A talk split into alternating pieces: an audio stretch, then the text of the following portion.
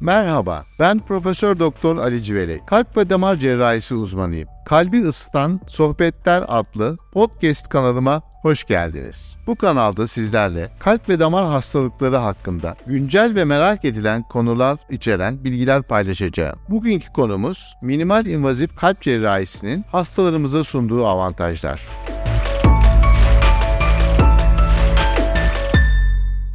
Kalp damar hastalıklarındaki yapılan ameliyatlar halk arasında çok büyük ameliyatlar olarak nitelendirilmektedir. Bunda da e, yatsınamayacak bir doğruluk payı vardır. Çünkü hastanın göğüs kemiğinin kesilmesi, kalbin ve akciğerlerin durdurularak kalp akciğer makinesine bağlanması, ameliyat sonunda nispeten uzun süren iyileşme süreci hastalarımızı kalp ameliyatları konusunda bir takım endişelere sevk etmektedir. Bu nedenle gelişen teknolojiyle beraber kalp ameliyatlarında da bir takım değişiklikler yapılmaktadır. Bunlardan en önemlisi minimal invazif kalp cerrahisi olarak adlandırılan kalp ameliyatlarıdır. Bu ameliyatlarda standart ameliyatlardan farklı olarak hastaların göğüs kemiğini kesmeden ameliyatlarımızı gerçekleştirmekteyiz. Bu da ameliyat sonrası dönemde hastalarımıza önemli bir takım konforlar sağlamaktadır.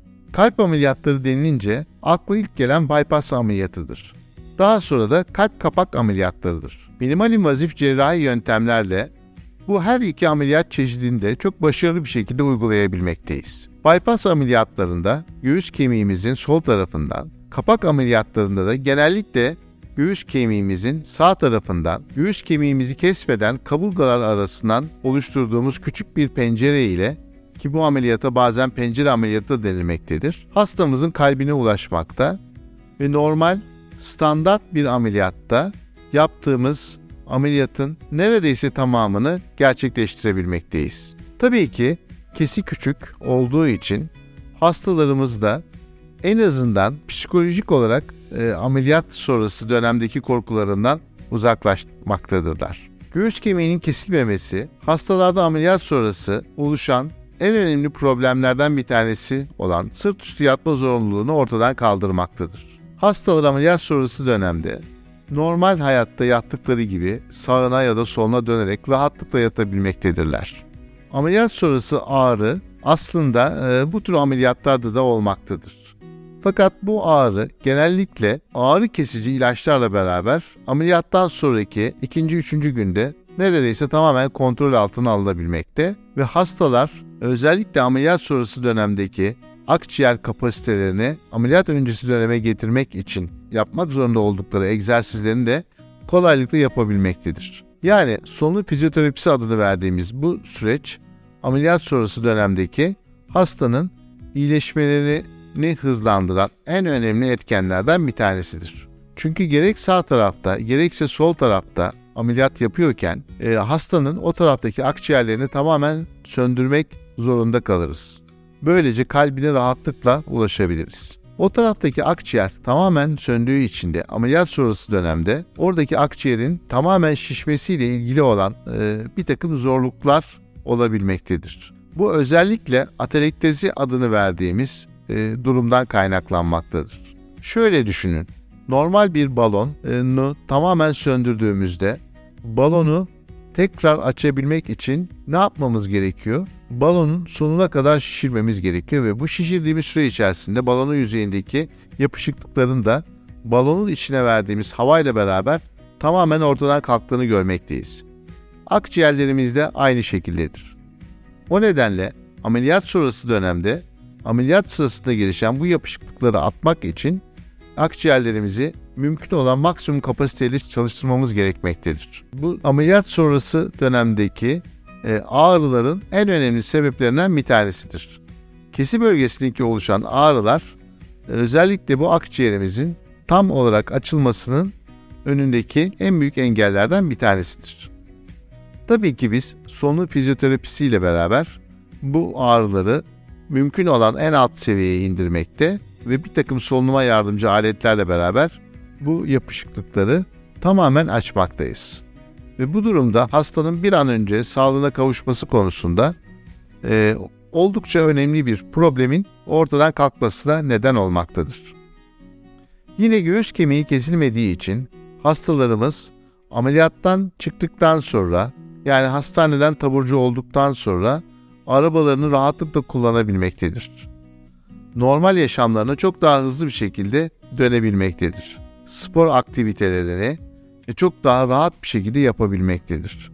Ne kadar bir süre sonra bu aktivitelere geri dönebilirler diye bir soru aklımıza geldiğinde ortalama 3 haftalık bir süreye ihtiyaçları vardır hastaların. 3. hafta sonunda neredeyse tamamen normal aktivitelerine dönebilirler. Göğüs kemiğini kestiğimiz ameliyatlarda ise bu süre 2 e, aylık bir e, süredir. Yine bu tür ameliyatlarda hastalarımızın göğüs kemiğinin iyileşmesi için e, gerekli olan zamanı mutlaka istirahat ederek ve sırt üstü yatarak hastaların geçirmesi gerekmektedir. Bu nedenle minimal invazif kalp cerrahisi olan hastalarda göğüs kemiği kesisi olmadığı için bu süreç yani yaklaşık 2 aylık bir süreç 3 haftalık bir sürece indirgenmiş olmaktadır. Bu özellikle e, çalışan, çalışmak zorunda olan hastalarımızın çok daha erken sürede işlere geri dönebilmelerine imkan tanımaktadır. Yine ameliyat sonrası dönemde araba kullanabilmek de oldukça önemli bir e, konfor sunmaktadır hastalarımıza. Bu tür ameliyatların sunduğu diğer bir avantaj ise ameliyat sonrası dönemdeki kullanılacak kan ve kan ürünlerinin standart ameliyatlara oranla daha az olmasıdır. Genel e, dünyadaki konsept hastalarımıza ameliyat sonrası dönemde ne kadar az kan verirsek iyileşmeleri o oranda hızlı ve çabuk olmaktadır. Minimal invazif cerrahi sonrasında ise standart ameliyatlara oranla genellikle kullandığımız kan ve kan ürünleri oldukça azalmaktadır. Bu da hastanın hızlı bir şekilde iyileşmesine önemli bir katkı sunmaktadır. Yine hastalarımızın en çok korktuğu durumlardan bir tanesi olan göğüs kemiği enfeksiyonları da minimal invazif kalp cerrahisi sonrası neredeyse hiçbir hastada görülmemektedir. Tabii ki göğüs kemiği kesisi olmadığı için bu bölgenin enfeksiyonu da doğal olarak ortadan kalkmaktadır. Yine en önemli konulardan ya da hastamızın, hastalarımızın hoşuna giden noktalardan bir tanesi de e, kozmetik görünümdür. İnsizyonların son derece küçük olması, özellikle bayan hastalarda insizyonun yani ameliyat kesisinin meme altında kalması nedeniyle e, kesi neredeyse hiçbir şekilde görülmeyecek durumda saklanmaktadır. Bu da e, hastalarımızın ameliyat olma konusundaki görüntüsel endişelerini tamamen ortadan kaldırmaktadır. Özetlemek gerekirse minimal invazif kalp cerrahisi günümüzde kalp ameliyatı gerektiren birçok hastalara rahatlıkla uygulanabilen yeni bir cerrahi yöntemdir.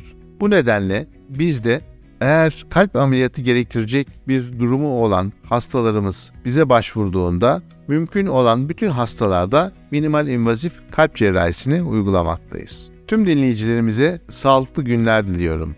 Bir sonraki podcast yayınımızda görüşmek üzere. Hoşçakalın.